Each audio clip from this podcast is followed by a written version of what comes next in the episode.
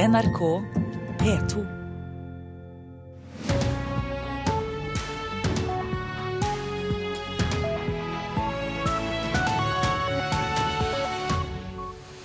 Aldri før har så mange ansatte stevnet arbeidsgivere for arbeidsretten som nå. Det er første sak vi starter med her i eh, Nyhetsmorgen. Andre saker. Vi får, får vi aldri vite hvem som var drapsmannen. I dag er det 30 år siden den svenske statsministeren Olof Palme ble skutt. Skolemyndighetene oppfordrer flere til å velge yrkesfag på videregående, men andelen har likevel gått ned. Og superveteran Daniel Berg Hestad spilte sin siste kamp mot, uh, for Molde i går, da de slo Sevilla 1-0 på hjemmebane. Her i studio, Øystein Heggen. Krisen i oljeindustrien med nedbemanninger i mange bedrifter gjenspeiles nå i saker som kjøres for retten. Stavanger tingrett eh, fikk i fjor inn tre ganger så mange arbeidsrettssaker som i 2013, og den trenden fortsetter i år. Og for enkelte som vil kjempe for å beholde jobben, er dette en tøff prosess. De kan bli sett på som en, eh, en pain in the ass i, i virksomheten, og eh, det i seg selv er tungt. Sier Harald Hageland, forbundssekretær i LO-forbundet Industri Energi. Han møter i disse tider mange fortvila medlemmer som får beskjed om at de er overtallige. For dem er det det samme som å høre at de er unyttige. Det er tungt menneskelig sett, og det er tungt eh, i arbeidsmiljøet. For de blir ofte stående alene i arbeidsmiljøet, så det kan skape problemer for dem senere. Selv om de vinner, dessverre. Og mange av sånne type saker der den ser nedbemanningen, så finnes det ikke vinnere eller tapere. Det gamle slagordet 'gjer di plikt, krev din rett' er aktualisert for mange, når gullåra for oljeindustrien nå synes å gå mot slutten. For aldri før har ansatte og fagforbund stevna så mange arbeidsgivere som nå. 138 arbeidsrettssaker ble levert tingretten i oljehovedstaden i fjor. Det at det blir flere saker, det tror jeg er nokså naturlig. Eh, fordi at det er flere av de ansatte som selvfølgelig de sitt primære mål er å beholde jobben. Og de er villige til å gjøre det som trengs for å få det til. Så er det slik at når du står i en situasjon hvor du skal velge hvem som skal sies opp, så er bedriftene nødt til å tenke på videre drift og det å sikre gjenværende arbeidsplasser. Da er de nødt til å beholde nøkkelpersonell og personell som har innar fremtidens kompetansebehov. Nina Melsom er direktør for arbeidsrett i NHO. Hun legger ikke skjul på at det er ulike syn på hvem som skal sies opp når staben må ned. Ansiennitet skal legges vekt på. Og min opplevelse er også at eh, bedriftene har stor, stor, forståelse for de ansattes situasjon. Men det må gjennomføres tøffe prioriteringer, og nettopp i en sånn situasjon så er bedriftene nødt til å tenke på fremtiden. Hageland mener avtaleverket burde gitt de som har arbeidet lenge, et sterkere vern. Jeg tror nok det er riktig å si at avklaren kunne ha vært tydeligere på det med ansiennitet, at det skal være hovedanliggende når det gjelder nedbemanning. Det sies at den kan fravikes når det er saklig grunn, og det er jo det saklig grunn-begrepet som er ganske tøyelig. Og Der er det nok mange arbeidsgivere som vil prøve å vektlegge andre forhold enn ansiennitet. Det som eh, selvfølgelig er en tilfelle, er jo at det alltid vil være rom for skjønn, og det skal det være. Tøffere prioriteringer, betyr det vi ser her av statistikk, at vi også har et litt tøffere arbeidsliv? Nei, det vil jeg ikke si. Altså, antall oppsigelsessaker de følger konjunkturene i norsk eh, økonomi. Eh, og tilbake på 1990 til 93 så hadde vi mange saker for domstolene. Det hadde vi også i 2003. Men nå er det tøffe tider, og særlig på Vestlandet, Stavanger-regionen. Og da må bedriftene gjennomføre denne type prosesser. Dessverre. Det er jo ingen ønskesituasjon. Eh, og som, som ledd i det så vil det komme saker for domstolene. Det er helt naturlig, det. Og De fleste av disse stevningene til Stavanger tingrett endte med forlik, ofte etter langvarig rettsmekling, eller at partene kom fram til en såkalt minnelig ordning. Og reporter her var Bjørn Atle Gjellestad. Søndag er det 30 år siden den svenske statsministeren Olof Palme ble drept på gata i Stockholm sentrum. Fremdeles er ingen dømt for drapet, som ble et traume for svenskene, og sånn hørtes det ut på Sveriges Radio etter at drapet skjedde i 1986. Sveriges statsminister Olof Palme er død. Han skjøts i kveld i sentrale Stockholm. Olof Palme skjøts ned i korsningen Tunnelgatan, Sveavägen, og han dog senere på Sabbatsbergs sykehus. Den omstridte, men sterke statsministeren var på vei hjem fra kino sammen med kona Lisbeth da han ble skutt på kloss hold. Sverige var i sjokk.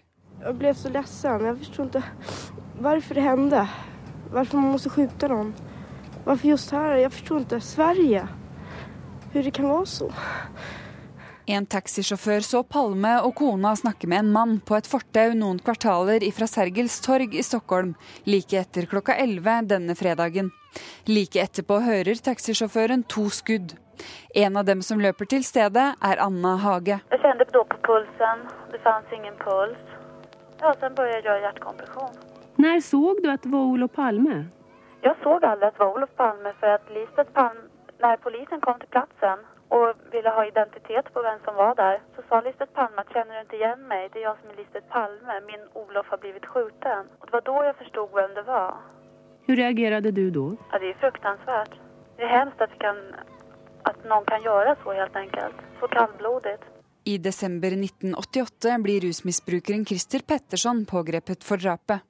Noen måneder senere blir han dømt til livsvarig fengsel, men samme år blir han frikjent pga. manglende bevis og feil i etterforskningen.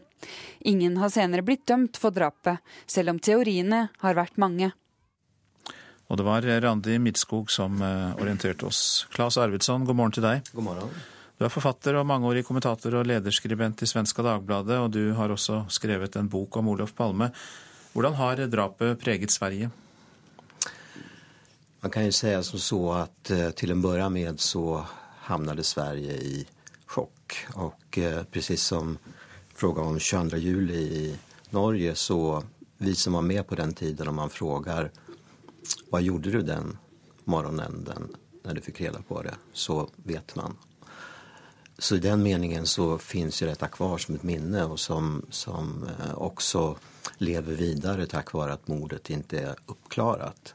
Men sen när man funderar över vad det har fått för konsekvenser för Sverige så kan man väl kort sammanfatta det med att livet har gått vidare och att väldigt mycket av den politiska utveckling som vi har sett efter mordet så att säga eh, har ju då handlat om att reversere reversera den politik som Palme stod för.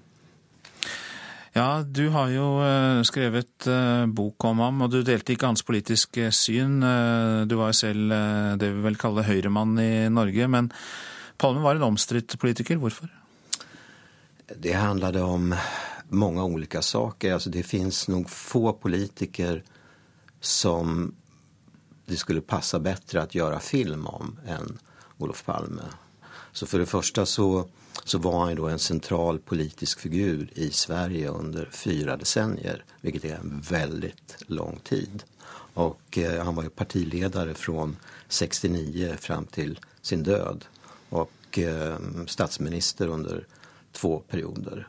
Och eh, om man ser på varför han blev så omstridd eh, så handlar ju det om att han, alltså han var ju, en, han var ju ideolog men han var också en praktisk reformpolitiker som ville forandre Sverige i socialistisk riktning. Eh, Tillika var han også en stor internationell politiker. Og man kan jo da ha olika uppfattning om det han gjorde var bra eller dårlig, men helt klart så var han en stor politiker. Kontroversiell, det kan jo bygge opp under konspirasjonsteorier konspirasjonsteori rundt drapet. Det har vært snakk om apartheidstaten Sør-Afrika, det har vært snakk om konspirasjon innenfor svensk politi og hemmelige tjenester. Hva tror du om det? Det er eh, så at eh, det finns, alltså vid sidan av de konspirationsteorier som du tog opp, så finns det ytterligere et stort antal. Og det verkar nesten som at det är bara fantasin som setter gränsen for hva som kunne tenkes var mulig. Og jeg selv har vel landet i at eh, og det er mange med meg som deler den synpunkten, at eh, i praktiken så er mordet teknisk uppklarat, men, eh, men däremot så kommer det då inte att bli juridiskt uppklarat eftersom Christer Pettersson er død. Du tror det var Christer Pettersson, som ja. jo slett ikke knytter an til den konspirasjonsteorien i det hele tatt, siden han var en uh, alkoholisert uh, mann, nærmest en uteligger, som kanskje da gjorde dette som et plutselig innfall? Ja, eh, alltså man, kan, man kan ju konstatera att eh, Christer Pettersson hadde eh, nære kontakter og arbeidet åt en, eh, en bombemann og rettsavrist. Ja, Så han hadde kontakter med hvilke personer da, i detalj? Ja, det er eh, en, en, en person som da kjente seg eh, mishandlet av eh, samfunnet, og som riktet sin illvilje mot, mot det politiske systemet.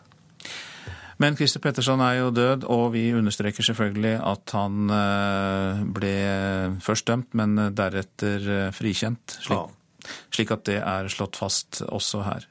Takk for at du kom til Nyhetsmorgen. Takk.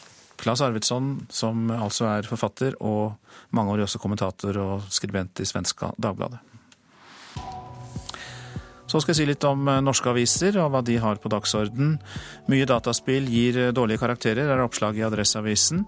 Forskning viser at gutter i ungdomsskolealder som spiller mye dataspill, gjør det dårligere enn andre i matte og norsk, men de henger brukbart med i engelsk. Men eh, hvis guttene også bruker mye tid på idrett, får de bedre resultater på skolen. Elbiler lager pengetrøbbel, kan vi lese i Bergensavisen. På Askøy må prisen på bompengene skrus opp som følge av en enorm økning i elbiler som kjører gratis. Nytt Sotra-samband mangler penger, og mye av det skyldes at færre og færre betaler bompenger. Når flyktningene kommer til Østerrike, sorteres de med fargebånd på håndleddet, skriver VG. Fargen på båndet avgjør deres videre skjebne. Rødt bånd fører til at de må tilbake den veien de kom. Grønt bånd gir dem tillatelse til å reise til Tyskland. Og gult bånd gir flyktningene rett til å søke asyl i Østerrike. Aftenposten skriver om økende skepsis til innvandring. I fjor mente 54% at innvandring var bra for Norge. Et år senere er oppslutningen 10 prosentpoeng lavere og lander på 45 Telenor og Facebook tilbød gratis internett til Indias fattige, men myndighetene har lagt ned forbud mot ordningen, kan vi lese i Vårt Land. Indiske myndigheter mener internettjenesten med sine forhåndsgodkjente nettsider ikke var åpen nok, og forbudet hylles av de som krever nettnøytralitet, et nett fullstendig åpent for alle. Den høye oppslutningen om Bernie Sanders viser at USA er på vei mot venstre, skriver Vårt Land. Kapitalismen har mistet sin glamour, og amerikanerne er blitt mer, mindre tilbøyelige til å tro på utøylet kapitalisme. Det sier en professor i sosiologi til eh, avisa. Telenors eh, nye styreleder Gunn Wærsted, som skal rydde opp i VimpelCom-rotet, satt selv i Nordeas konsernledelse da banken fikk millionbot for hvitvasking i samme sak, skriver Klassekampen. Men Wærsted sier til avisa at det ikke var hennes ansvarsområde da hun jobbet i eh, Nordea.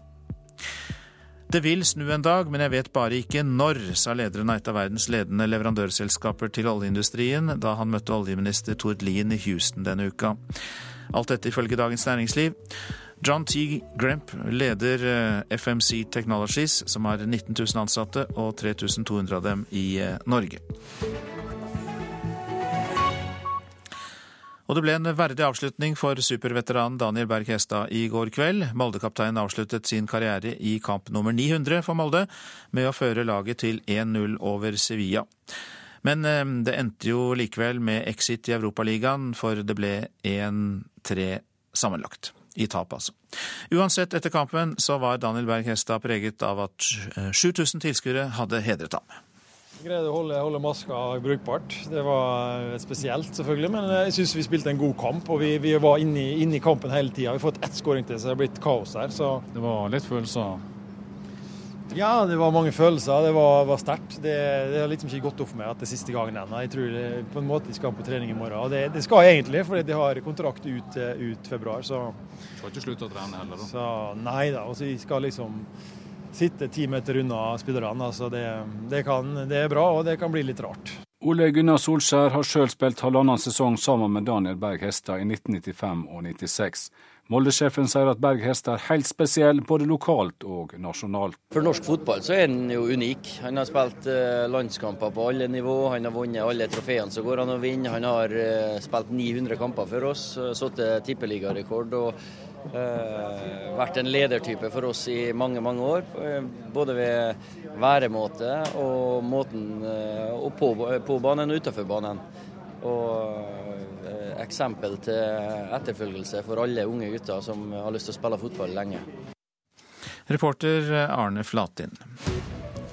Dette er Nyhetsmorgen, og klokka er snart 6.48, og vi har disse hovedsakene. Donald Trump ble angrepet for å ha ansatt ulovlig arbeidskraft og nektet å offentliggjøre skattedokumenter i nattens debatt mellom de republikanske presidentkandidatene. Småkommuner som ikke slår seg sammen med andre, frykter at de får langt mindre å rutte med. Kommunalministeren har sagt at endring av inntektssystemet ikke vil ramme skole, helse og eldre. Men etter klokka sju så skal vi høre om at mange ordførere og opposisjonspolitikere er uenige. Og det har vært tre ganger så mange arbeidsrettssaker på Vestlandet de siste to årene. Aldri før har så mange ansatte stevnet sine arbeidsgivere som nå. Andelen som velger yrkesfag på videregående i Rogaland har gått ned med 9 prosentpoeng på sju år. 1. mars så går jo fristen ut for å velge videregående opplæring, og nå oppfordrer yrkesopplæringsdirektøren i fylkeskommunen alle tiendeklassinger til å vurdere yrkesfag. Jeg har bestemt meg for å ta vanlig studiespesialisering på St. Olav. Jeg har gjort det pga. jeg syns det er de teoretiske fagene som er kjekkest. Jeg valgte helse og oppvekst på Jåttå, siden at jeg syns det virker som et spennende fag. Og jeg ser hva jeg kan bli videre utover det. Jeg valgte jo elektrofag eh, på Jåttå, og jeg valgte det fordi eh, jeg alltid likte de praktiske tingene bedre. Det er friminutt på Gosen skole i Stavanger, og tiendeklassingene Hans August Kårvik, Torbjørg Sandvik og Andreas Jacobsen forteller om sine skolevalg. Én har valgt studiespesialisering, to yrkesfag. Interessante valg, slår rådgiver Erik Thomsen fast. De har nok et bakteppe med at arbeidsmarkedet har forandret seg. Men allikevel så tror jeg at mange tenker mulig arbeidsmarkedet forandrer seg i løpet av de årene de skal gå på skole. Og så tror jeg òg at interesser og anlegg og hobby ligger nok kanskje nærmere når de tenker. Fristen for å søke videregående skole er 1. mars. Det betyr at det er få dager igjen for de som ikke har bestemt seg. Like før fristen går ut er rådet fra Joar Loland klart. Han er opplæringsdirektør i Rogaland fylkeskommune, og mener økte arbeidsløse og nedskjæringer i oljebransjen bør få konsekvenser for utdanningsvalget. Mitt hovedråd er at eh, alle bør vurdere om et yrkesfaglig utdanningsprogram er rett vei for dem. Begrunnelsen for det er at eh, med et fagbrev så er det arbeidsplasser i framtida. Det viser all statistikk. Og når vi ser på i hvor stor grad elevene lykkes på VG1, så viser det seg at innenfor alle karakterkategorier så er flere som på et yrkesfaglig utdanningsprogram som lykkes, enn på et studieforberedende. Hva har de dårlige tidene å si for eh, ditt råd? Altså, De dårlige tidene har jo vist at de som først blir sagt opp, det er de uten formell utdanning. Så rådet mitt blir begynn på en utdanning og fullfør den. Og reporter her, det var Magnus Stokka. Ting vi kjøper står for 80% av klimautslippene våre. Det viser en analyse fra NTNU, som har studert hva det koster klimaet å produsere de varene vi handler. Miljøbelastningen fra bilkjøring, oppvarming og bruk av vann utgjør lite til sammenligning. Framtiden i våre hender mener myndighetene må gjøre det mer lønnsomt å reparere det vi har, skriver Vårt Land. Flere TV-produsenter sliter med å få tak i unge gutter som kan være med i reality-programmer, mens jentene mer enn gjerne stiller opp. Psykolog Hedvig Montgomery sier det er viktig for likestillingen at også gutter vises på TV, men til den nye sesongen av Teenage Boss er det kun 25 av rundt 150 søkere som er gutter. Karim er 16 år og bor på Ammerud i Oslo sammen med moren Marianne. I disse dager forberedes en ny sesong av realityserien Teenage Boss, og prosessen med å finne deltakere er godt i gang. Problemet er bare at nesten ingen unge gutter har søkt om å få være med. Det sier castingansvarlig Sara Hjartholm. Nå er jo dette tredje sesongen som vi eh, skal lage Hindersboss. Eh, og det har jo vært gjennomgående i alle sesongene at det har vært lite gutter som har søkt. Nå er det som kanskje 150 eh, til sammen som har søkt, og av de så er vel 25 gutter. Og det er jo ganske liten prosent, vil jeg si. Flere castingansvarlige som NRK har vært i kontakt med, bekrefter at det er vanskeligere å få med unge gutter enn jenter til realityserier. Jeg må alltid være flink, fordi jeg ikke har utseende å spille på. I TV 2-serien Sykt perfekt får vi et innblikk i livene til fem unge jenter og utfordringene de møter i en hverdag som forventer at du skal være perfekt i alt. Kanalen ønsket ungdommer mellom 15 og 25 år av begge kjønn til å søke på programmet. Men av over 400 søknader var kun fem fra gutter. Drømmebilen min den skulle vel eh, ha vært gammel, for det første. Ikke så dyr. Nok med hester, og det skal være bakhjulstrekk. Lav, med fine felger. Det har gått fire år siden Karim Alexander Bogasha som 16-åring var med i første sesong av Teenage Boss. Det må være pga. Folk er redde for uh, hva folk vil tro om personen. Da. At uh, de er ute etter oppmerksomhet med å komme på TV. og Kanskje litt redde for å drite seg ut på realityshow og det, da. Psykolog Hedvig Montgomery har bistått utallige castingprosesser til norske TV-serier. Vi har uh, med årene laget et samfunn hvor jenteverdier skal løftes frem. Men det har nok i kanskje for stor utstrekning gått på bekostning av det vi tradisjonelt har sett på som litt guttemåten å være på. Og som gjør at mange unge gutter i dag, og det, det ser vi i terapisituasjoner også, mange gutter er flaue over seg og sitt uttrykk. Og det er klart, er du flau over deg og ditt uttrykk, da melder du deg ikke på en TV-serie. Montgomery mener det å vise fram alle slags barn og unge er en viktig måte å lage et inkluderende samfunn på. Så å vise frem at det også er ok å være bråkete, at det også er ok å bli sint, at det også er ok å ha følelser som gutt, det tror jeg er viktig for, for likestillingen fremover. Sara Hjartholm er enig i at få gutter på TV er et problem. Da får vi ikke på en måte vist mangfoldet og bredden i det vi skal, da. Reporter, det var Magnus Lutnes Aas. Søndag samles hele verdens filmbransje til årets største utdeling, Oscar-prisen. En av favorittene er Leonardo DiCaprio for rollen i filmen The Revenant. DiCaprio har aldri vunnet noen Oscar, til tross for at han er blitt nominert flere ganger. Og hvis Leo endelig får sin Oscar, så vil nok mange mene at han ikke får den for sin beste film. Men da er han jo i godt selskap.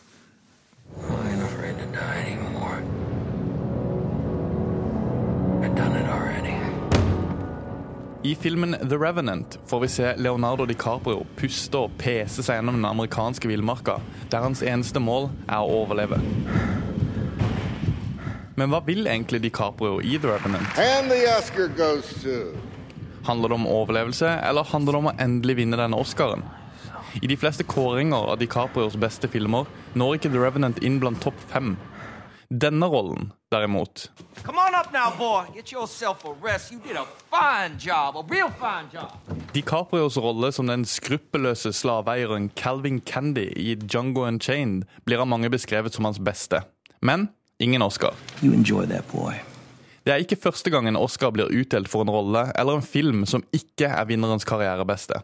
Ja, definitivt. Det finnes det flere gode eksempler på. Det sier Filmpolitiets Birger Vestmo. En skuespiller som Al Pacino hadde jo en kjempekarriere gjennom eh, hele 70-tallet og store deler av 1980-tallet, men likevel så måtte vi helt til 1993 før Pacino vant en Oscar-pris. You can act like a man! What's the matter with you? Al Pacino har selvfølgelig vunnet Oscar, men ikke for sin rolle som Don Corleone i Gudfaren.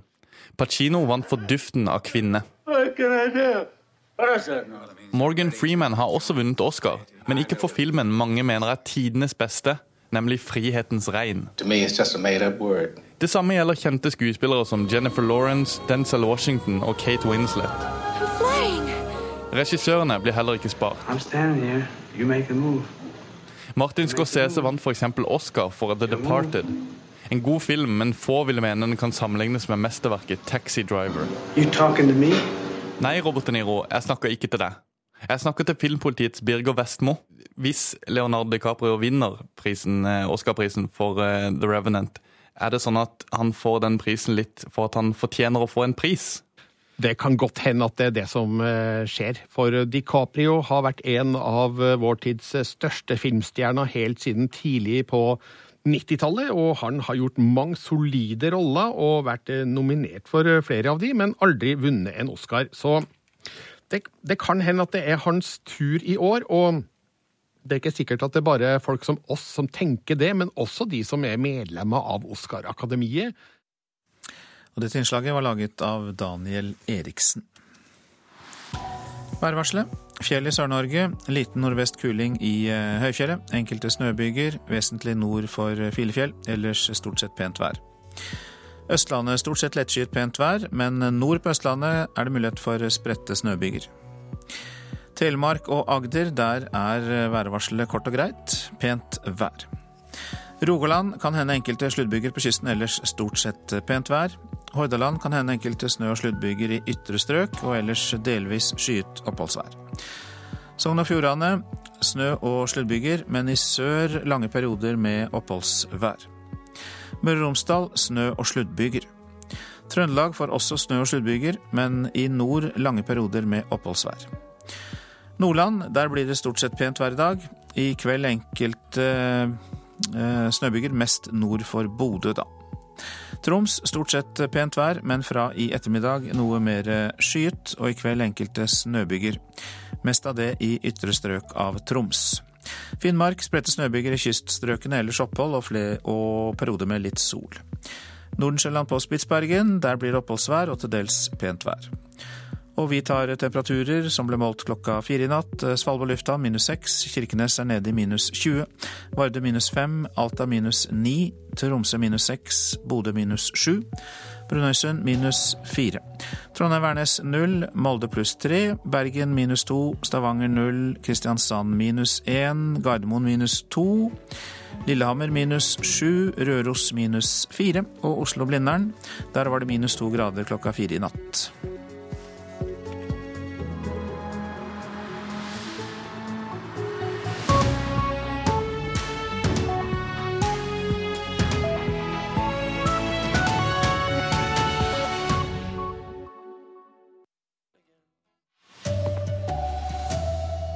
Aldri før har så mange stemna arbeidsgiveren for å få beholde jobben.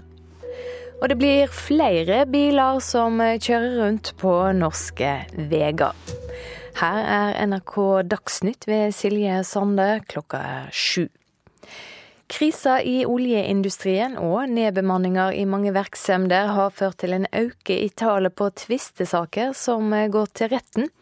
I Stavanger tingrett ble det meldt inn nesten tre ganger så mange arbeidsrettssaker i 2015 som for fem år siden, og øken holder fram også i år. Harald Hageland er forbundssekretær i LO-forbundet Industri Energi. Dette her er en alvorlig situasjon, først og fremst for oljebransjen og det som er relatert rundt oljebransjen. Både industri, støtteindustri og, og leverandører til den. Eh, det at det blir flere saker, av det tror jeg er nokså naturlig. Eh, fordi at det er flere av de ansatte som selvfølgelig de sitt primære mål er å beholde jobben.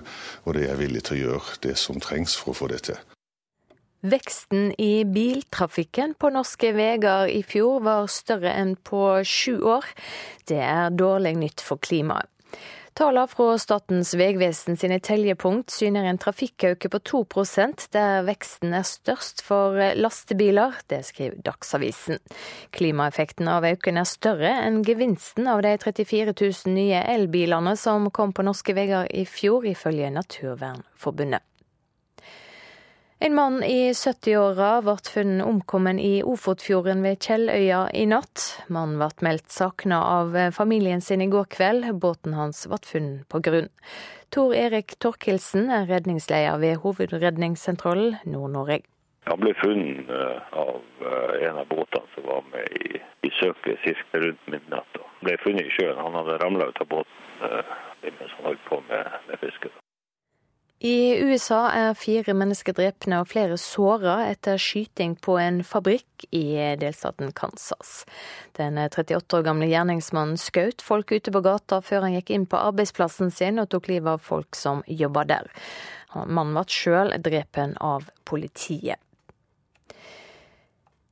Vallokaler i Iran har åpna, og valget i landet er nå i gang. Valget der kan bli viktig for å endre den konservative dominansen i parlamentet, og for å påskynde reformer i Iran. Svenske militærfartøy observerte i fjor en ukjent ubåt under ei marineøving ytst i skjærgården utenfor Stockholm. De som så ubåtperiskopet trodde det var en svensk båt, men det kom senere fram at det ikke var svenske ubåter i området under øvinga, og ingen vet hva nasjonalitet ubåten hadde. Det var Dagsnytt. Nyhetsmorgen fortsetter med disse sakene. Kommunalministeren tar feil når han sier at kutt i tilskudd til kommunene ikke vil ramme skole, helse eller eldre, mener KS, og får med seg flere ordførere på kritikken.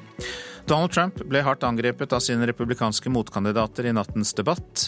Kina og USA er enige om strengere straffetiltak mot Nord-Korea. Og nå skal vi her i Norge få mer autoritære fotballdommere. Ja, det er altså KS, eh, opposisjonspolitikere og flere ordførere som eh, mener at kommunalminister Jan Tore Sanner tar feil når han sier at kutt i tilskudd til kommunene ikke vil ramme skole, helse eller eldre. Det er jo da snakk om regjeringens forslag til nytt inntektssystem, som eh, gjør at mange kommuner må være forberedt på kutt i det såkalte basistilskuddet.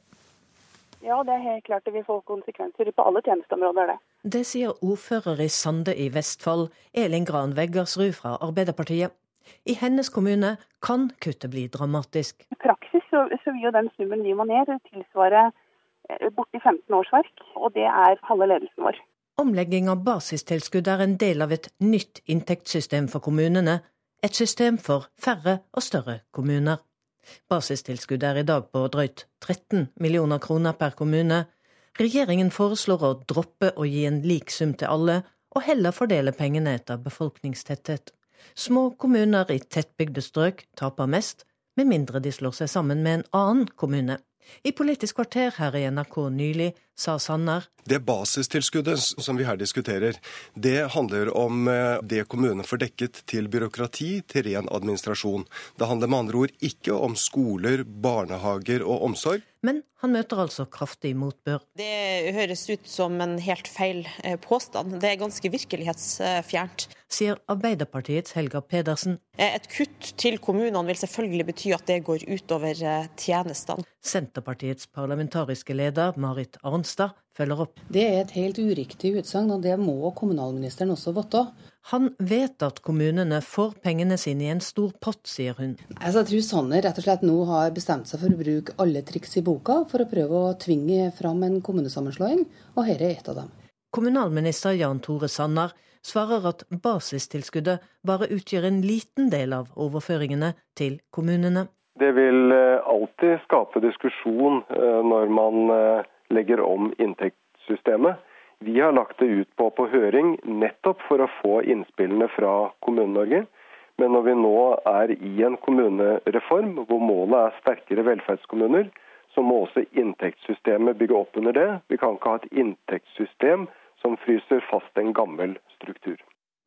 Reportere Katrin Hellesnes og David Krekling. Og da trenger vi hjelp fra deg, Lars Nehru Sand. God morgen. God morgen, god morgen. Du er politisk kommentator hos oss i NRK. Kommunene roper altså varsko, men hvor dramatiske er forslagene til kutt? Ja, det vil jo variere noe fra kommune til kommune, noe som også er avheng, nei, meningen med, med, dette tilskuddet. Men i de aller fleste kommunene så er det vanskelig å kutte flere millioner kroner uten at det direkte eller indirekte vil merkes på eh, tjenestene til innbyggerne. Men det ble snakk om dette såkalte basistilskuddet. Det så jo stå sentralt i denne konflikten. Hvorfor er det det som er problemet? Det er fordi at uh, her gjør man altså Jan Tore Sanner prøver å bruke dette tilskuddet som, eh, som, det er riktig at eh, skal dekke administrasjon, og det gis flatt per kommune. Men det er jo noe av Sanners problem, at eh, sånn som ordningen er i dag, så gjør det jo da at hvis tre kommuner velger å forbli tre kommuner, så får de tre ganger så mye penger i akkurat dette tilskuddet som hvis de velger å slå seg sammen. Og det er jo da et, et mål som, eller et middel som virker mot hans mål om færre kommuner.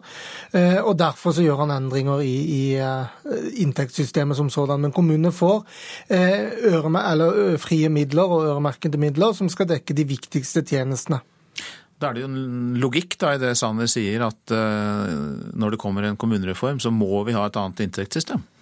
Ja, han bruker jo dette inntektssystemet som et verktøy til å slå sammen eh, kommuner. Ikke nødvendigvis alle kommuner. Han har eh, formler her som gjør at eh, noen av de små kommunene, eller de som er veldig langt fra, fra nabokommuner, kan, kan forbli egne kommuner og ikke tape penger.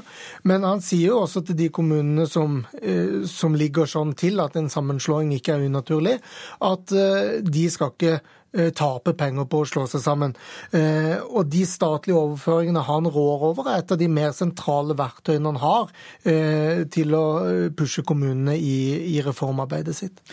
Så Da er det noe i de anklagene vi hørte i innslaget da, om at det nye inntektssystemet er et triks for å tvinge fram sammenslåing av kommuner? Eller De som er rystet over dette, har i hvert fall rett i at det veldig mange steder ville kunne bety kutt, eh, til tross for at dette tilskuddet da ikke er verken det største eller det, det mest sentrale, eller alle pengene kommunene får fra staten. Men så har Sanner da rett i at, at eh, så lenge dagens system kan motvirke sammenslåinger, eh, så er det også grunn til å se på hvordan dette basistilskuddet fungerer, så lenge det gis per kommune. Men uansett vanskelig navn på det, så er kanskje dette da en sånn stedfortrederdebatt for sammenslåingsdebatten om kommunene? Ja, poenget er vel at uh, så lenge man bruker penger, så blir det veldig tydelig hva man vil når man bruker det som metode, og, og, og at mange da føler seg mer tvunget enn en man jo sier i det som skal være en frivillig reform. Eh, det kan man jo også forstå, men det er klart det ville vært veldig rart av Sanner å si at det er frivillig å slå seg sammen. Men hvis dere tre kommunene slår dere sammen, så får dere ikke lenger 300 lapper, men én. Der står debatten akkurat nå. Takk skal du ha, politisk kommentator i NRK, Lars Nehru Sand. Kina og USA er enige om nye sanksjoner mot eh, Nord-Korea. Forslaget er nå sendt til de andre medlemmene av FNs sikkerhetsråd, og det kan komme opp til votering i løpet av noen dager. Asia-korrespondent Peter Svaar, du er med oss, og hva slags straffetiltak er det snakk om?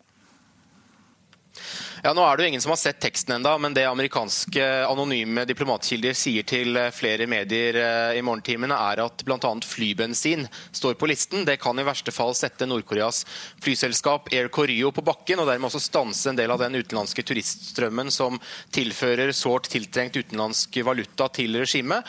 Og så er det nye restriksjoner på luksusvarer som Rolex-klokker og en rekke selskaper også som anklages for å ha handlet i kjernefysisk materiale og komponenter på vei vegne av Nord-Korea, som også blir plassert på sanksjonslisten nå. Dessuten vil eh, et trettitalls eh, nordkoreanske handelsskip nektes adgang til alle havner i eh, FN, og alle skipslaster til eller fra Nord-Korea må heretter inspiseres etter en egen prosedyre i avsender- eller mottak i landet. Ja, Det at man ikke får lov å kjøpe Rolex-klokker er én ting, men rammer dette folk flest også i Nord-Korea, eller kan det komme til å gjøre det? Altså Den viktigste handelen for stabiliteten til det nordkoreanske regimet vil med disse sanksjonene, i hvert fall de lekkasjene vi kjenner til nå, ikke bli rammet. og Det er kjøp av olje fra Kina og Nord-Koreas salg til Kina, særlig av edle metaller og mineraler. Dette er tiltak som ikke på noen måte vil strupe regimet økonomisk. og Noen vil kanskje si at disse foreslåtte sanksjonene i større grad er symbolske enn eh, særlig lammende, selv om de vil stramme skruene noen hakk når det gjelder handelen Nord-Korea har med eh, andre land. Eh, men det er altså kanskje særlig turisttrafikken, dersom den lammes ved at de ikke får inn flybensin, som vil være den største kortsiktige konsekvensen. Ja. Kina har jo tidligere vært eh, mindre lysten på nye straffetiltak enn USA har vært. Eh, hvor overraskende er det at Kina og USA faktisk nå er enige? Ja, Det sender et veldig viktig signal fra Kina om at også myndighetene her i Beijing er har sterk misnøye med Nord-Koreas prøvesprengning og rakettoppskyting. Og denne enigheten vil nok forsure Kinas forhold til uh, sin tidligere allierte Nord-Korea ganske kraftig. Kinas utenriksminister Wang Yi sa i går at Kina ønsker en Koreahalvøy fri for atomvåpen. Samtidig så tyder jo disse lekkasjene på at Kina ikke har gått med på virkelig sviende sanksjoner mot nord, av den typen som kan virke destabiliserende og skape sult eller strømmangel. Kina er jo også bekymret for konsekvensene av en nordkoreansk regimekollaps kollaps som kan sende bølger av flyktninger mot eh, Kinas grense. Ja, Det er viktig at Kina og USA er blitt enige, men hva med de andre medlemmene av Sikkerhetsrådet? Er det sannsynlig at de vil støtte det? Det store usikkerhetsmomentet er om Russland vil stille seg bak dette. Eh, Russlands utenriksminister sa i januar at de ikke nødvendigvis vil støtte strengere sanksjoner mot Nord-Korea. Russland har sin egen agenda. De er en vetomakt i Sikkerhetsrådet. Og det er eh, nå trolig Russland som blir nøkkelen til om dette sanksjonsutkastet vil eh, bli vedtatt eller ikke. Mange takk skal du ha, Asia-korrespondent Peter Svaar.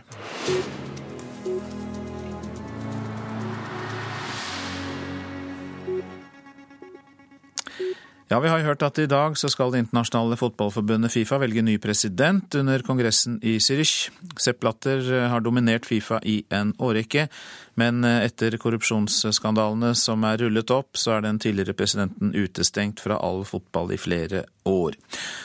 Og favoritten til å overta er eh, Gianni Infantino fra Sveits og sjeik Salman fra Bahrain. De to er vel favoritter. Og med oss fra Zürich, eh, reporter Hanne Marie Breivik. Denne sjeiken er kontroversiell. Hvem er han? Ja, han er president i det asiatiske fotballforbundet og har eh, drevet i sin tid ganske hard valgkamp for å bli valgt inn i det som heter EXCO, som er styret til Fifa. I den forbindelse så gikk det også, um, har han også Baskesen også med anklager om uh, økonomiske misligheter. At han har tatt Fifa-penger for å fremme sitt eget kandidatur, for å klatre opp i denne um, mektige fotballorganisasjonen.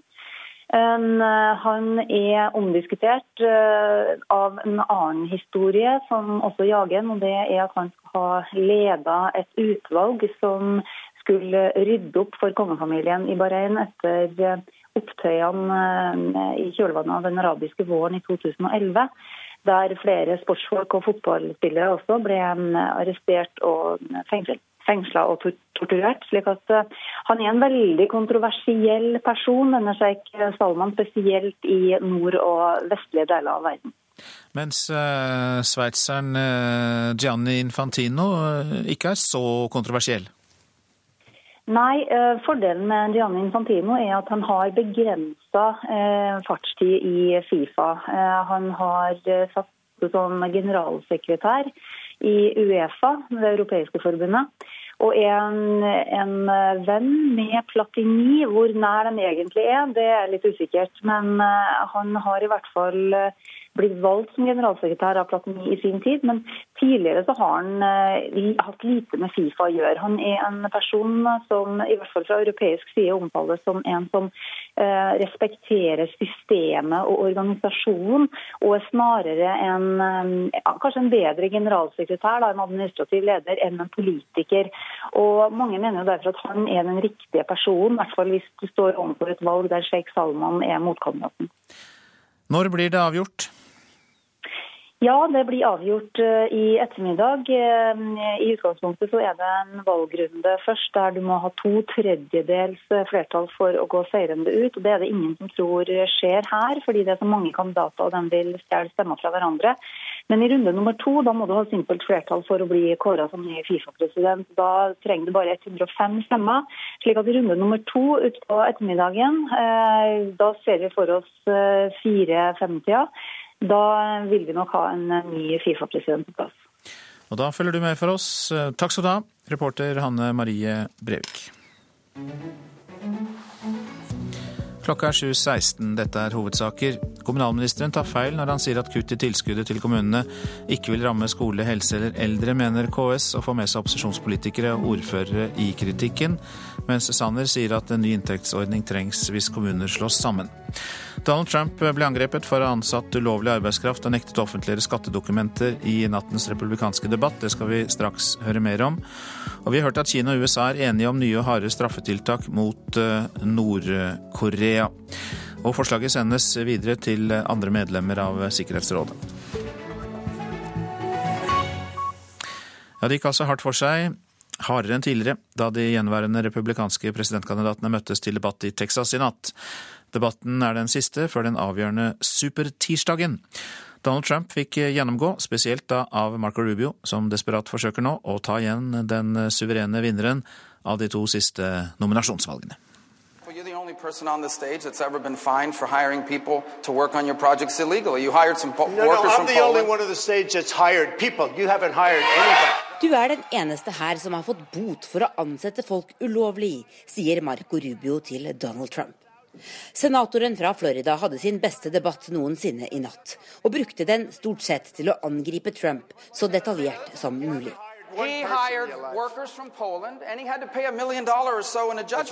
Den suverene lederen på meningsmålingene og vinneren av de tre siste nominasjonsvalgene lot seg imidlertid ikke havne på defensiven. Han kalte Rubio og Ted Cruz for løgnere. På tirsdag er det valg i 13 delstater, og nattens debatt er den siste før den såkalte supertirsdagen.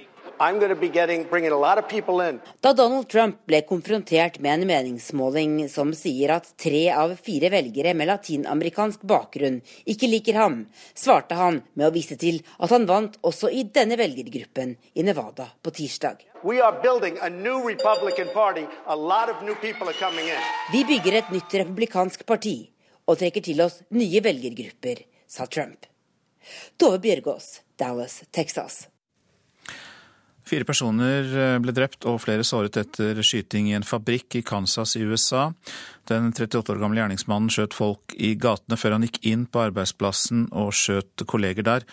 Han ble selv drept av politiet. Det fortalte sheriff T. Walton i Heston i Kansas, altså, på en pressekonferanse i natt. Himself has been shot and killed. He's an XL employee. Gjerningsmannen var ansatt på fabrikken Excel Industries i Hesten.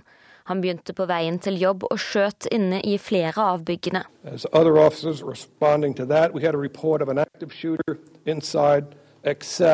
Fordi det er flere åsteder og mange vitner, sier politiet det kommer til å ta tid å få oversikt over omfanget. Uh, there are known deaths in regards to these shootings. There are a lot of shot victims. And uh, this will take some time to work through this. So so Hvorfor mannen skjøt kollegene sine er ukjent. I fjor var det over 350 tilfeller av denne typen masseskyting i USA. Sa reporter Elise Heisel Asbjørnsen. Om en eh, drøy halvtime åpner valglokalene i Irland i det første valget etter at landet kom seg gjennom finanskrisen. Hvem som kommer til å danne regjering er høyst uklart, for tiltroen til partiene er svært lav blant velgerne. Og det merket eh, vår korrespondent Espen Aas da han møtte dem på gaten i den irske hovedstaden. There'll be mayhem. Absolute mayhem. It'll be open warfare. You don't know who to believe in anymore. Complete skepticism. Velgerne som NRK møter i hovedstaden Dublin, er ikke nådige mot sine politiske partier. Etter mange år med beinharde kutt i budsjetter som følge av at økonomien kollapset fullstendig under finanskrisen i 2008, har de etablerte partiene alle fått merke velgernes vrede. Oppslutningen synker. Den sittende koalisjonsregjeringen, bestående av det konservative Finne Gale og det irske arbeiderpartiet Labour, får neppe flertall igjen men det gjør heller ingen andre.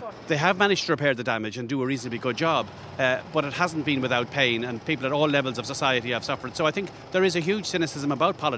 de har ryddet opp og gjort en relativt god jobb, men ikke uten smerte, forklarer politisk redaktør i The Irish Times, Stephen Collins, om de siste fem årene. For å gjenvinne kontrollen over egen økonomi og avslutte hjelpepakkene fra EU og Det internasjonale pengefondet, så måtte regjeringen kutte dramatisk mange steder, og det har gått hardt utover mange. Deriblant eh, Sean Dempsey. Han skal iallfall ikke stemme på noen av regjeringspartiene når han går til valg. Not, not Labour, Gale, moment, like, so Men så vet han heller ikke hvem som skal få stemmen i stedet. Valgkampen, som nå er avsluttet, er den korteste i Irlands historie. Det er bare tre uker siden parlamentet ble oppløst, og i dag må folk ha gjort seg opp en mening om hvem som skal ta den vanskelige, den svært vanskelige jobben med å regjere videre. Ikke bare er det vanskelig fordi mange av landets innbyggere sliter, men også vanskelig fordi det er vanskelig å se hvem som skal kunne samarbeide med hvem.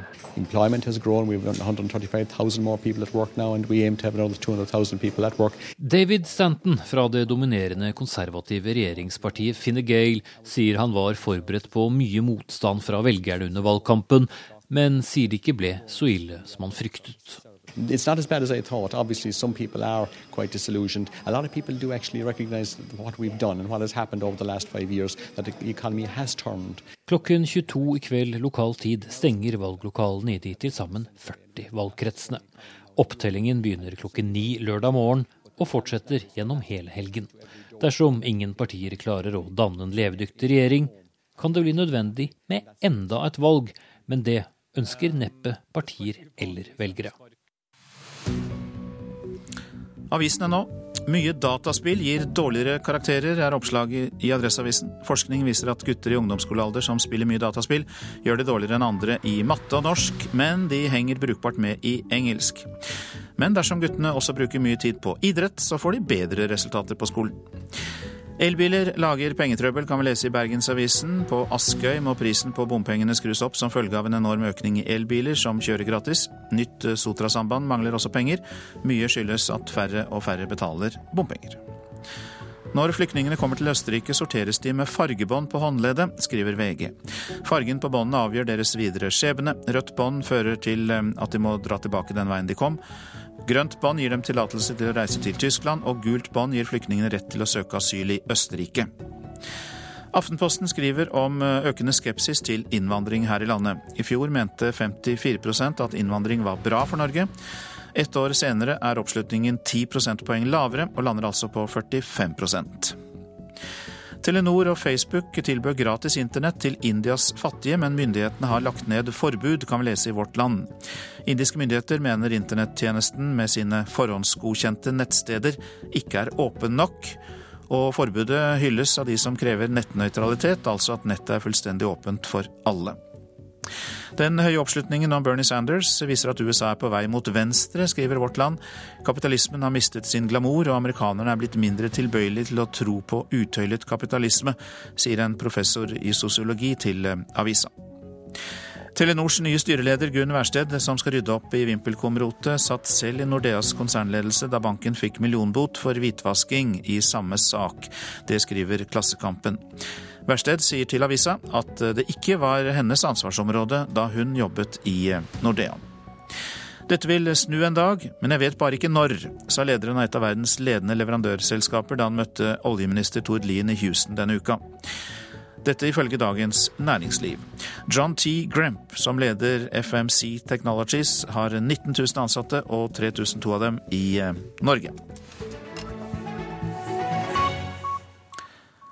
Fotballforbundet vil ha slutt på protester og sjikane av fotballdommere.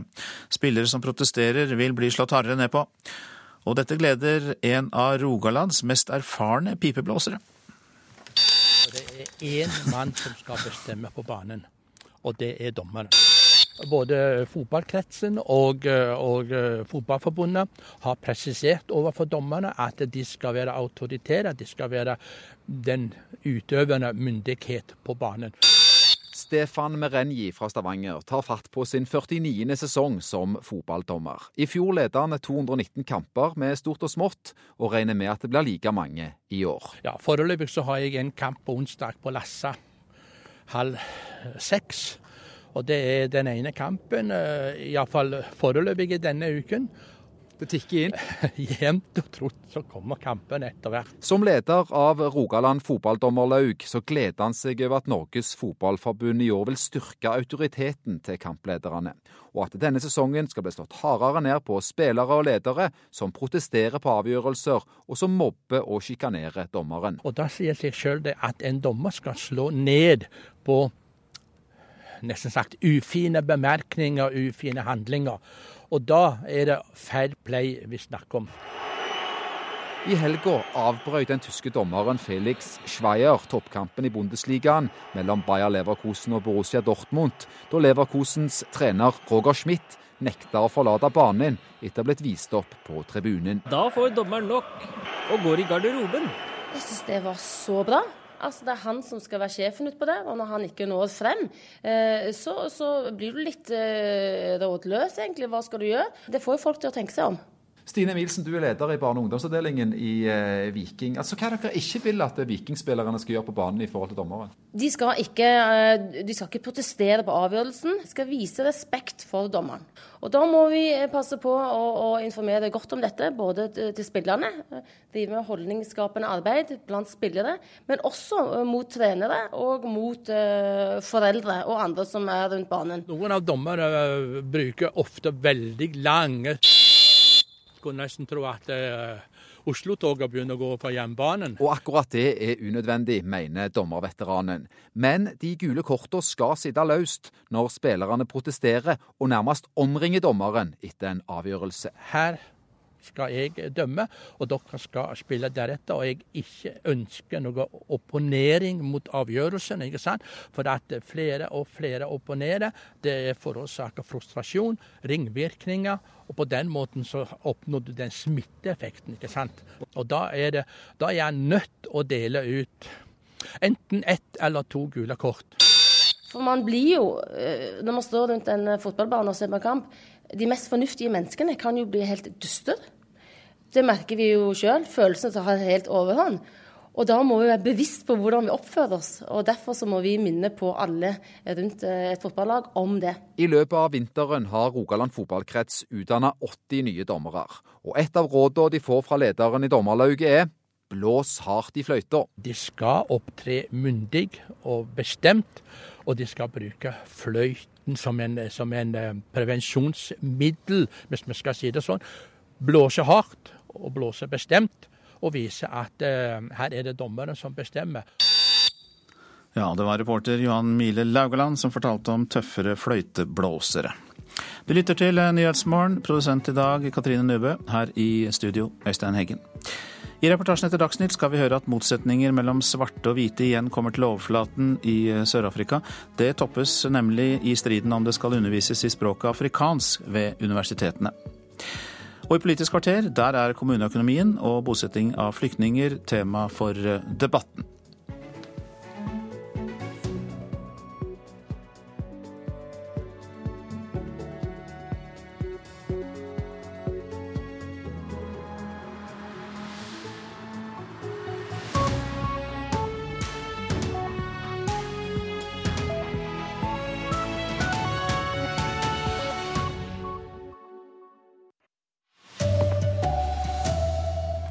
Kommuner som velger å stå alene, må regne med kutt i helse, skole og eldreomsorg.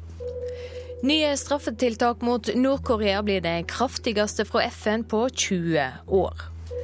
Og Daniel Berg Hestad takker for seg etter 900 fotballkamper for Molde. Her er NRK Dagsnytt ved Silje Sande. Klokka er 7.30. Småkommuner som ikke slår seg sammen med andre, frykter det for langt mindre å rutte med. Nylig sa kommunalminister Jan Tore Sanner at omorganiseringa av kommuneinntektene ikke vil ramme skole, helse eller eldre, men det er feil, sier flere ordførere og opposisjonspolitikere.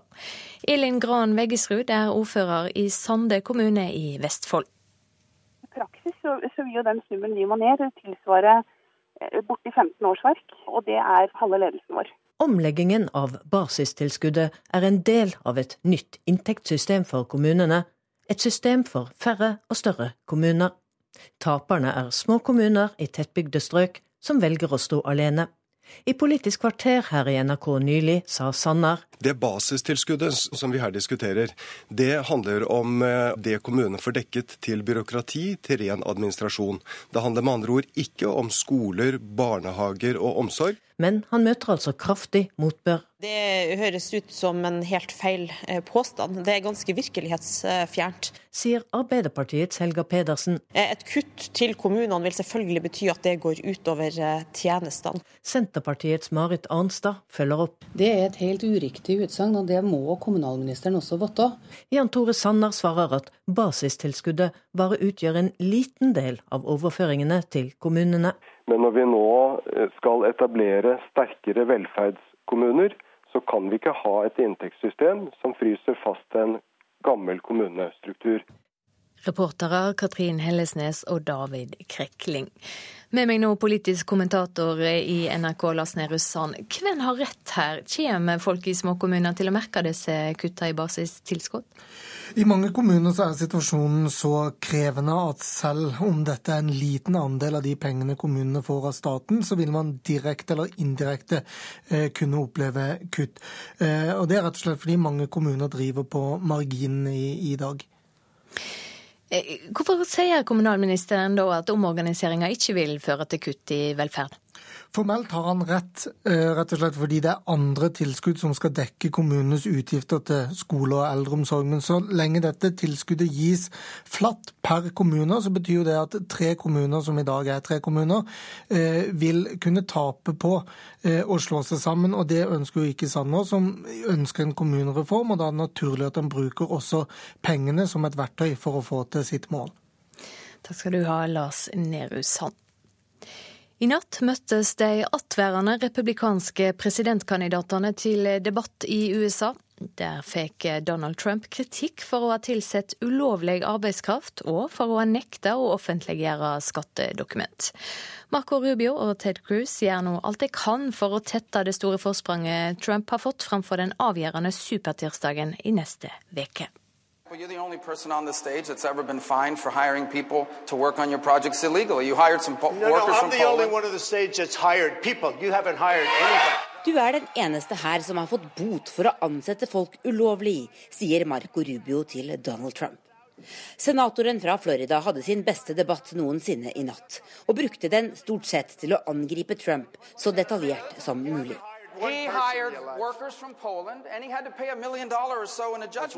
Den suverene lederen på meningsmålingene og vinneren av de tre siste nominasjonsvalgene lot seg imidlertid ikke havne på defensiven.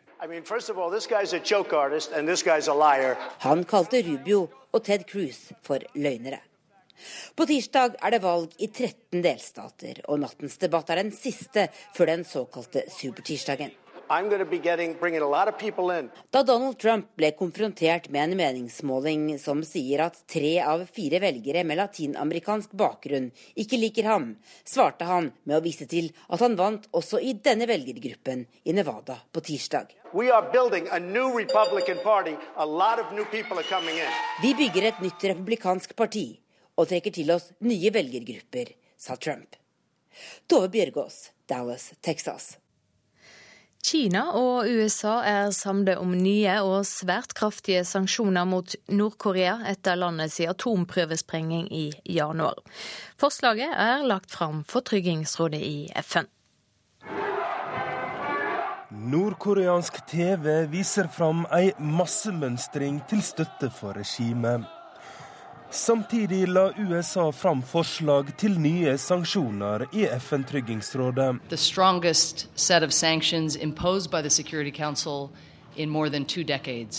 Bakgrunnen ei atomprøvesprenging i januar og ei rakettoppskyting i februar. The world will not accept your proliferation. USAs FN-ambassadør vil kontrollere alt gods som går til det isolerte landet, og de har fått med seg Kina.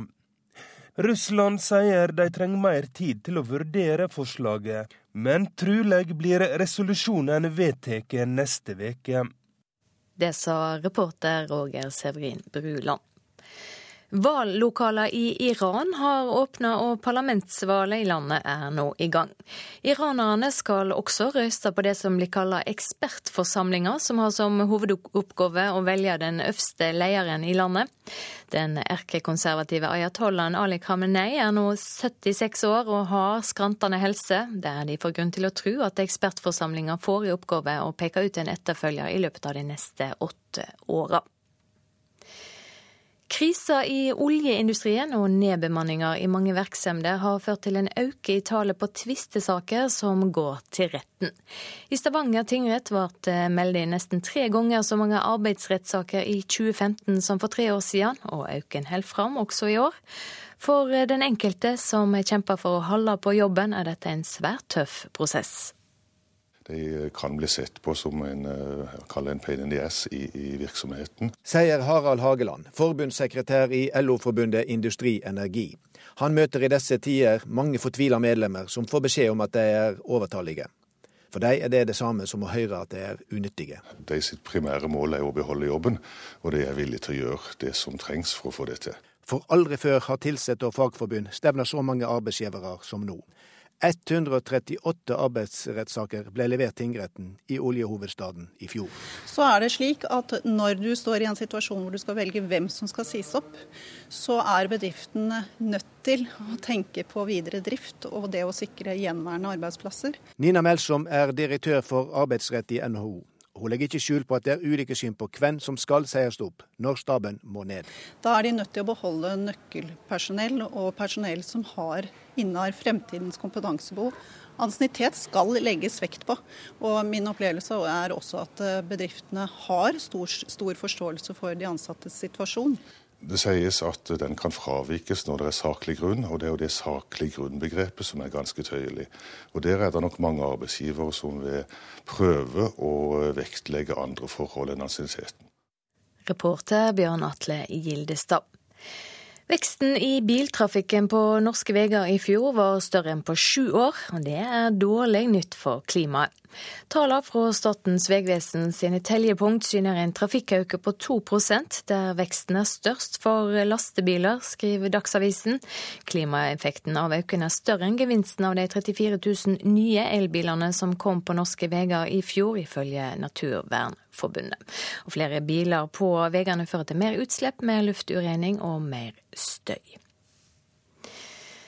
Det ble en verdig avslutning for superveteran Daniel Berg Hestad sent i går kveld.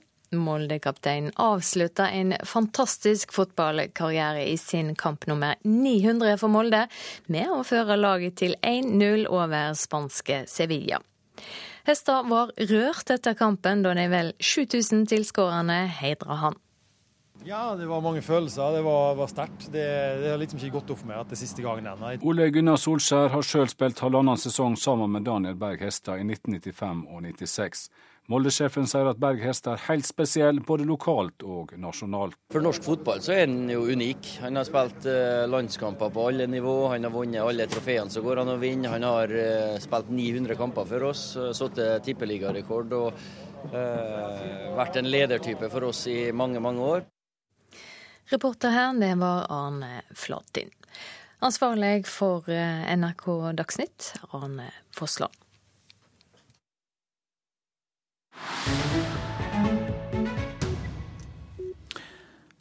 Nyhetsmorgen skal til eh, Sør-Afrika, der motsetninger mellom svarte og hvite igjen kommer til overflaten. Hvite studenter er provosert fordi svarte studentledere krever at det ikke skal undervises i afrikans ved universitetene. Dette språket har røtter helt tilbake til 1600-tallet, da nederlandske settlere slo seg ned i Sør-Afrika. Dag Bredvei har mer om dette.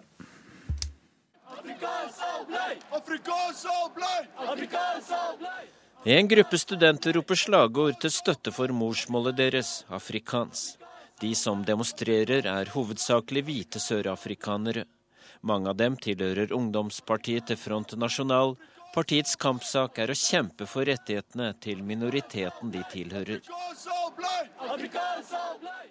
Mange hvite med slektskap tilbake til nederlandske settlere føler at de som språklig og etnisk minoritet har mistet mye av identiteten sin i dagens Sør-Afrika. Sett fra deres ståsted har de blitt presset fra skanse til skanse over mange år.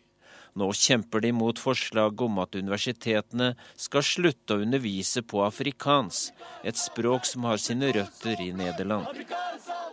Trample on minorities in South Africa, like Afrikaans speaking people, and we believe that minority groups also have a right to be taught in their own language like Afrikaans. Vi blir igjen trampet på, sier Francois Clouet, som er student og samtidig talsperson for ungdomspartiet til Front National. Han viser til at minoriteter i Sør-Afrika stadig blir hundset med. Han slåss for at afrikansk ikke skal gå i glemmeboken. En blond medstudent som ikke oppgir navnet sitt, er enig. Vi har rett til å bli undervist på afrikansk, sier hun til TV-stasjonen CCTV. We all have the right to study in our own language, and I feel it's a fight that we have to stand for. We can't just stand back and let them do whatever they want to do. It's our right to stay here and to have class in our own language. Vi kan ikke bare lene oss tilbake og se på at de gjør som de vil. Med de mener hun det svarte flertallet. Afrikansk står for fall, sier en svart studentleder Ambla Monageng. Han mener at dagens samfunn fortsatt er for mye preget av tidligere koloniherrers kultur og språk. Why are we still using the, the, the, the, the pre-apartheid uh, names and all those uh, cultures? Afrikans skriver seg tilbake til den første gruppen med nederlandske settlere som kom til Sør-Afrika midt på 1600-tallet. Språket lignet en dialekt som mange snakket helt sør i Nederland på 1600- og 1700-tallet. I alt seks millioner av Sør-Afrikas befolkning på 44 millioner har afrikansk som morsmål. Halvparten av de seks millionene er hvite, den resterende halvdelen er mennesker med blandet opphav. Lederen for en gruppe svarte studenter, Amla Monageng, mener politikere og skoleledere må sette seg ned og diskutere temaet om å kvitte seg med afrikans. Let's uh, uh, sit on the table and discuss what we need and why are we saying Africans must fall? Why are they saying Africans mustn't fall? Inntil nå har personen med makt ikke villet diskutere temaet i åpent lende fordi det er betent. Det er så sensitivt at personer med innflytelse ved flere universiteter nå driver brannslokking. Kuateli Sello er prest på universitetet i hovedstaden Pretoria.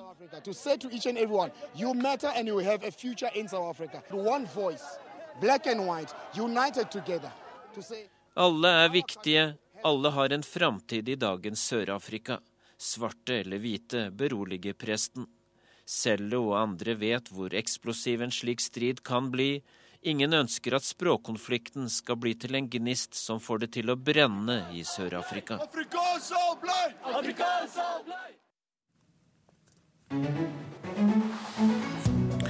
dette er uh, hovedsaker i Nyhetsmorgen. Småkommuner som velger å stå alene, kan eh, risikere kutt i helse, skole og eldreomsorg. Nylig sa kommunalminister Jan Tore Sanner at om, om, omorganiseringen av inntektssystemet ikke ville ramme småkommunene, men KS og flere ordførere er uenige. Krisen i oljeindustrien og nedbemanninger har ført til en økning i antall tvistesaker som havner i retten. I Stavanger tingrett ble det meldt inn nesten tre ganger så mange arbeidsrettssaker i 2015 som for fem år siden. Nye straffetiltak mot Nord-Korea blir de kraftigste fra FN på 20 år. USA og Kina er enige om tiltakene. Nå skal de drøftes i FNs sikkerhetsråd. Det er Politisk kvarter nå, og Astrid Randen er programleder.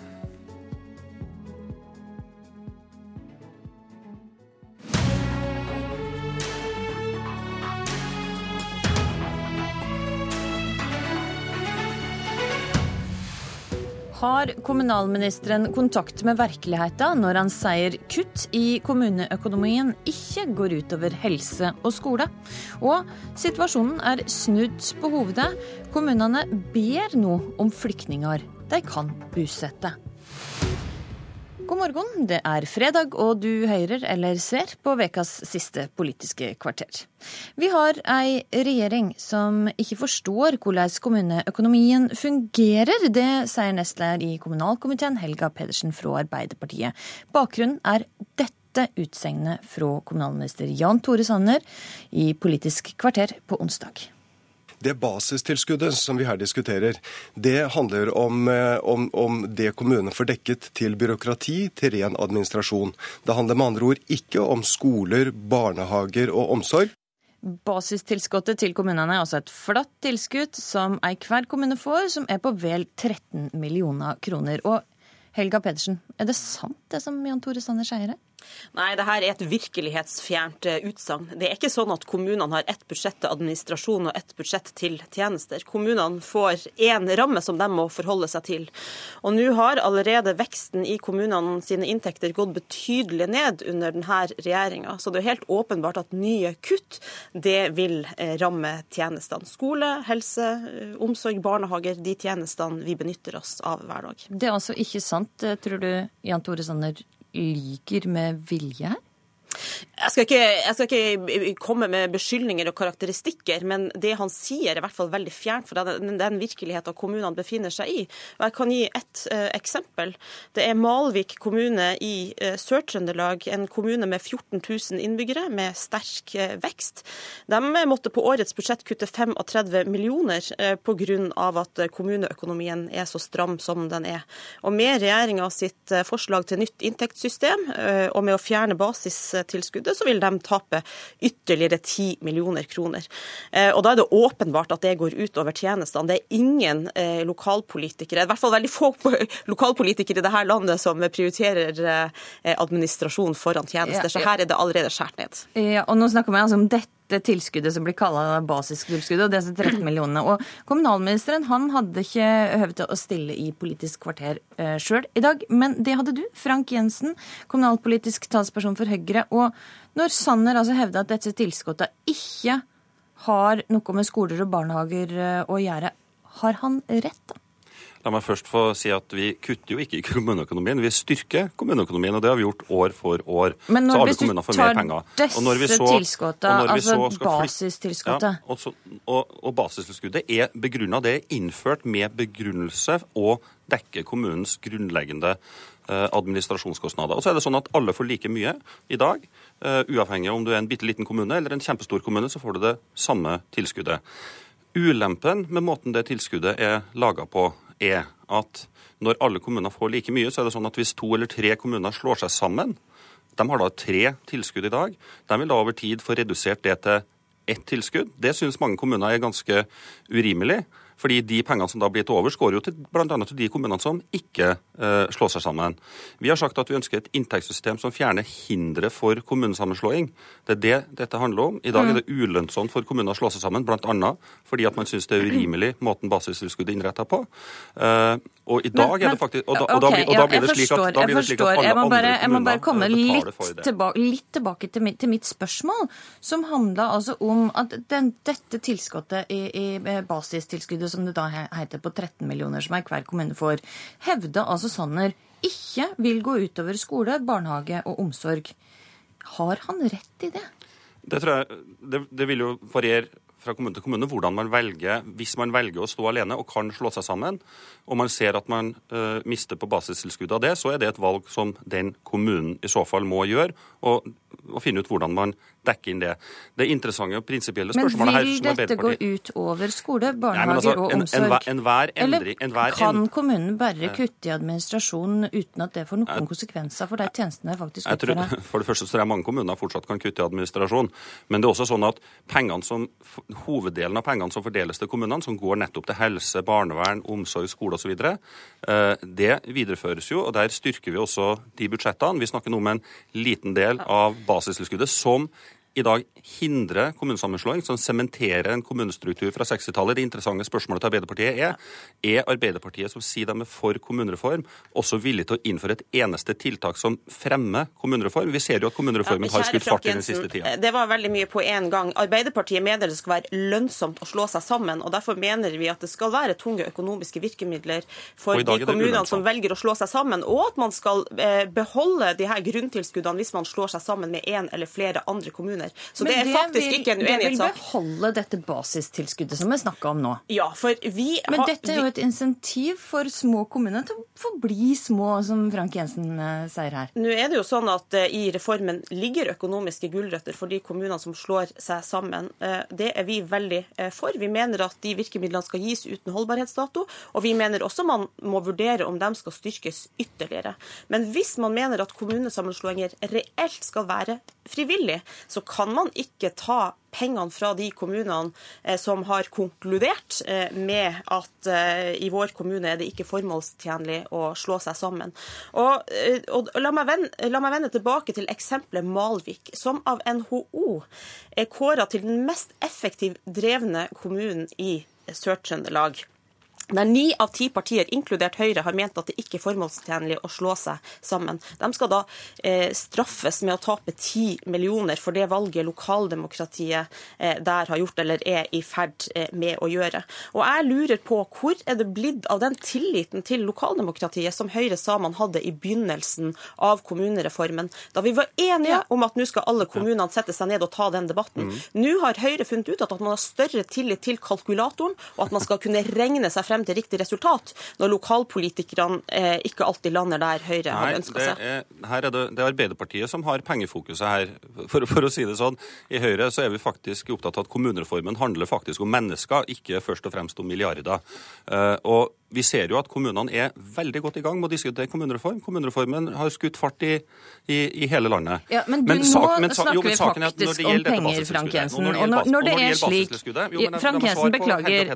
Ja, jeg må bare stille, stille spørsmål. fordi at du, altså, Stortinget har bestemt at det skal være reell frivillighet. Og når kommunene da mister penger Eh, når de ikke gjør som regjeringa ønska.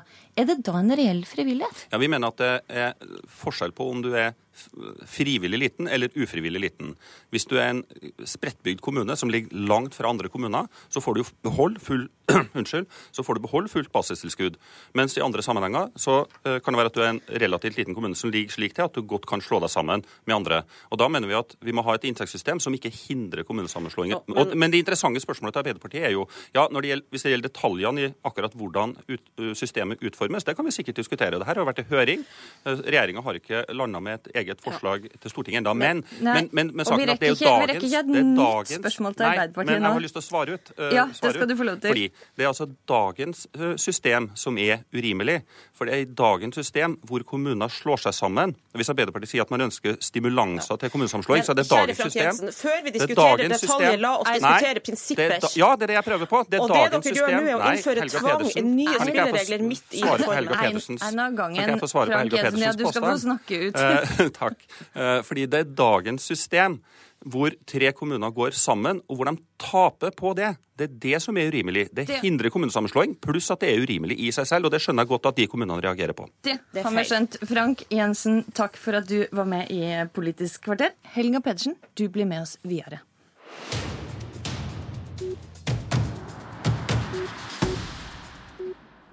Det er ikke lenger et problem å bosette flyktninger i kommunene. Det kunne vi lese på nrk.no i går kveld. Midt i det som blir kalla den verste flyktningkrisa siden krigen, så etterspør faktisk norske kommuner flyktninger de kan ta imot. Situasjonen er snudd på hovedet, og Helge André Njåstad, leder i kommunalkomiteen for Frp. Hva har skjedd siden vi står i denne situasjonen? Nei, Hovedårsaken til dette er jo at eh, det kom til en, en, stor tilstrømming til Norge som gjør at vi trenger flere saksbehandlere i UDI. Både for å saksbehandle eh, retursakene, men òg de som skal bli. Eh, så akkurat nå så står vi i en situasjon der eh, veldig mange av medarbeiderne i, UDI må lære opp nye kollegaer til at de kan saksbehandle. Sånn at vi står eh, i en situasjon som gjør at, eh, at, akkurat nå er det ikke den farten på saksbehandlingen som, eh, som det ideelt sett skal være, og som det vil komme. Mm. Eh, og Det er grunnen til at, at det er litt, litt, få bosettingsklare. Men det er ikke sånn at det er tomt. Det er fremdeles nærmere 1000 stykker som kommunene kan ta imot og bosette i morgen hvis de ønsker det. Helga Pedersen, fremleis fra Arbeiderpartiet. Hva tenker du om denne situasjonen? Nei, For det første så øh, mener jeg vi må erkjenne at det her ikke er enkelt. I år må vi sannsynligvis returnere dobbelt så mange som i fjor. Og vi er jo selvfølgelig opptatt av at øh, man skal returnere øh, dem som ikke har krav på beskyttelse i Norge, raskt. For det er altså slik at UDI har hatt fokus på og sitt hovedprioritet på å returnere og få folk ut, i stedet for å ha hovedfokus på å Busette. og Har dette vært riktig prioritering?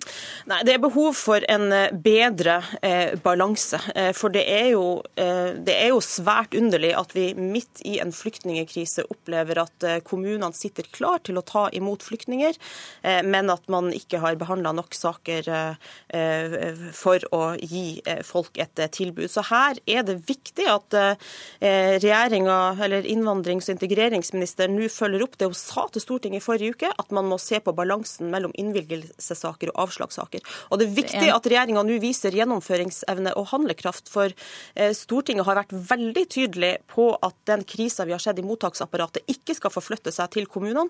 Og det risikerer vi hvis sakene hoper seg opp og man får veldig mange som skal bosettes i løpet av kort tid til høsten. Njåsa, det er en uheldig situasjon en er oppe i akkurat nå? Jeg vil ikke kalle det uheldig situasjon. Jeg tror alle som har drevet med på en måte eh, organisasjon, forstår at når man er nødt til å ha flere som skal jobbe med det samme, så trengs det en viss opplæringstid. og Ingen kunne forutse at man trenger så mange saksbehandlere. Eh, det lå heller ikke i opposisjonen sin alternative budsjett at de skulle øke saksbehandlingstida. Sånn at den situasjonen som vi nå står i mot alle regjeringer håndtert. Eh, og så er det viktig at det ikke går på bekostning av retursakene, for der er det tidsfrister. Det er store kostnader med at man sitter lenge, og man får en tilknytning til Norge som, som ikke er heldig. Så at vi skal ha fokus på returer eh, er viktig. Eh, men det er ikke det som er hovedgrunnen til at, eh, at saksbehandlingen nå ikke er så rask. Og så er det ikke sånn at det er tomt. Kommunene kan bosette de tusen som allerede har gjort vedtak om. Mm. Ja, Nå har jo innvandrings- og integreringsministeren sjøl erkjent at man må ha en bedre balanse mellom avslagssakene og innvilgelsessakene. og Da forventer jeg jo at hun følger opp det veldig fort. Og Så vil jeg også si til Helge Njåstad ja, det er ingen tvil om at dette er en krevende situasjon. Og vi forventer forventer ikke av regjeringa at man skal trylle. Samtidig er det her et av de punktene som Stortinget virkelig har vært opptatt av, og ikke minst Arbeiderpartiet. Eh, og Det var jo et av de aller første kravene vi stilte i høst, at eh, regjeringa måtte bemanne opp på Storskog. Der var man altfor seint ute med å få inn saksbehandlere og politi. og Det har jo gjort at problemene nå er blitt mye større enn det de hadde trengt å bli hvis man hadde satt inn nok ressurser først. Og så vil jeg også si at de forlikene... Det skulle gjort som Arbeiderpartiet, Njåstad. Da ja, hadde alt vært så mye bedre. Bedre. mange forslag. Ambulerende yes. saksbehandlerteam for raskt få ut de som ikke hadde krav på opphold i Norge. Må få opplæring, sant? Det er jeg selvfølgelig helt enig i. Men når du påstår at det her har ikke opposisjonen vært opptatt av, så er det en helt feil påstand. Og forlikene slår jo utvetydig fast at UDI må eh, styrkes, at man må hente inn kompetanse fra andre offentlige etater, og at man også må se på organisering og forenklinger. Så skal ikke jeg påstå at det her er superenkelt, men det vi er veldig opptatt av, er at regjeringa nå har fullt trykk på det her og følger okay. opp det Stortinget faktisk har sagt. Og, da, og da har man Full, full trøkk på det, men eh, man kan ikke trylle, og man er nødt til å gjøre en forsvarlig saksbehandling. Så uansett hvem som hadde sittet i regjering, så hadde denne situasjonen måttet ha vært håndtert. Eh, og han blir håndtert på en god måte. Man klarer å saksbehandle retursakene raskt, og man eh, saksbehandler innvilgelsessakene òg. Sånn at eh, her har jo virkelig UDI levert. Jeg syns vi skal heller gi skryt til de som står i forvaltningen i en krevende situasjon, eh, enn at vi hele tida skal på en måte kritisere at ting burde vært gjort mer. Men vet du hva, jeg er veldig Jeg har all mulig respekt for den jobben UDI og utlendingsmyndighetene for øvrig gjør. Og det er ingen tvil om at de ansatte står på alt eh, de kan og gjør sitt eh, beste i en pressa situasjon. Så det er ikke dem jeg kritiserer. Men regjeringa har gjennom eh, hele det siste halvåret vist at man har for dårlig kontroll. Og nå har jeg veldig klare forventninger til regjeringa om at man gjør sitt ytterste for å avhjelpe situasjonen. Og når innvandrings- og integreringsministeren sjøl har sagt at hun vil endre prioriteringene, så forventer jeg at hun følger det opp. Så får vi se om de forventningene blir innfridd, leder i kommunalkomiteen, nestleder i kommunalkomiteen Helge André Njåstad. Helga Pedersen, takk for at det kom til Politisk kvarter. Og vil du høre sendinga akkurat når det passer det, så kan du abonnere på vår podkast. Den finner du i iTunes. Du får en ny episode rett til telefonen din hver dag hvis du trykker på abonner. Men denne sendinga er slutt. I studio i dag var Astrid Randen. Hør flere podkaster på nrk.no podkast.